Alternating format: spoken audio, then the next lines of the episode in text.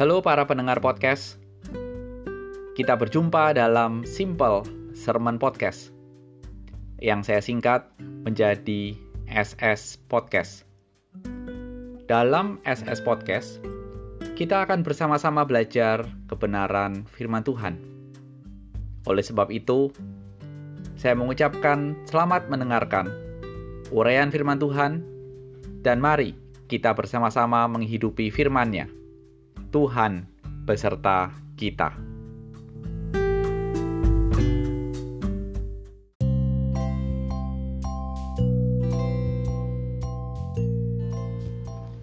Sobat setia SS Podcast.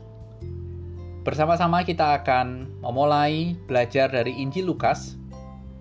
Dan dalam episode perdana ini, saya akan memulai dari Lukas pasal yang ketiga. Dengan tema Yohanes Pembaptis, dan prajurit.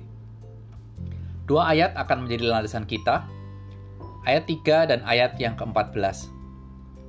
Maka datanglah Yohanes ke seluruh daerah Yordan dan menyerukan, Bertobatlah dan berilah dirimu dibaptis, dan Allah akan mengampuni dosamu.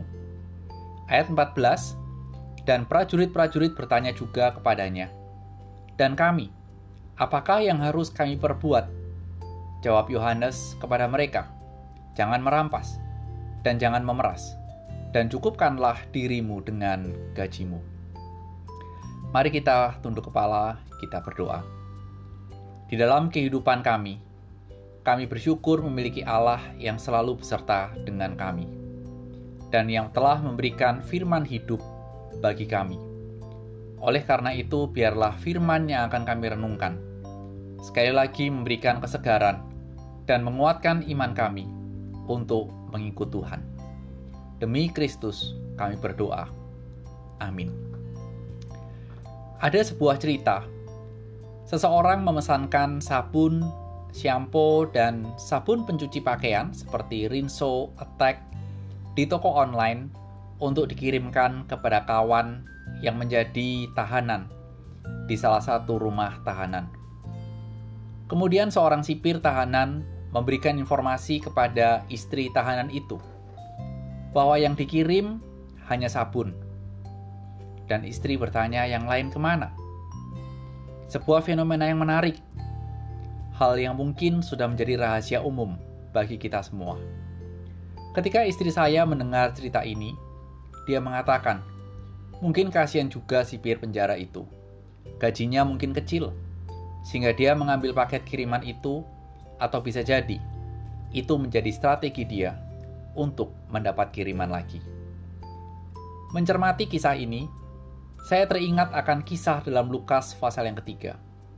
Ketika Yohanes menyerukan sebuah pertobatan kepada orang-orang zaman itu, dan Lukas mencatat setiap lini dari pemerintahan yang berkuasa dia soroti. Lini keagamaan, tak lupa juga dia perhatikan. Seakan-akan Lukas ingin mengatakan bahwa sikon saat itu adalah sebuah sikon yang rusak. Perhatikan di ayat 19 sampai dengan ayat yang ke-20. Tercatat tentang kejahatan dari Herodes. Sehingga seruan pertobatan dari Yohanes menjadi suatu gema yang penting untuk setiap orang dan golongan saat itu. Namun perhatikan, Siapa yang merespon seruan pertobatan dari Yohanes? Lukas memberikan catatan ada tiga orang yang merespon. Yang pertama, orang banyak yang bertanya, apa yang harus kami perbuat? Yang kedua, pemungut cukai. Apa yang harus kami perbuat? Pertanyaan yang sama. Yang ketiga, prajurit pun bertanya, apa yang harus kami perbuat? Tiga pertanyaan yang sama-sama mempertanyakan, kalau kami bertobat, apa yang harus kami lakukan? Ada semangat baru dari pertobatan yang mereka hidupi. Yohanes memberikan respon kepada tiga pertanyaan itu. Tetapi saya mengajak kita untuk melihat fokus kepada jawaban Yohanes kepada prajurit. Ketika Yohanes mengatakan kepada para, kepada para prajurit, "Jangan merampas, Jangan memeras. Cukupkanlah dirimu dengan gajimu. terindikasi bahwa prajurit suka merampas, mengambil sesuatu yang bukan miliknya, memeras, meminta sesuatu dengan paksa yang dia inginkan. Dan hal ini dilakukan oleh prajurit karena mereka merasa bahwa gaji yang mereka terima tidak cukup. Yohanes Pembaptis menekankan, "Kalau engkau bertobat, jangan berdosa lagi. Hiduplah dalam kekudusan."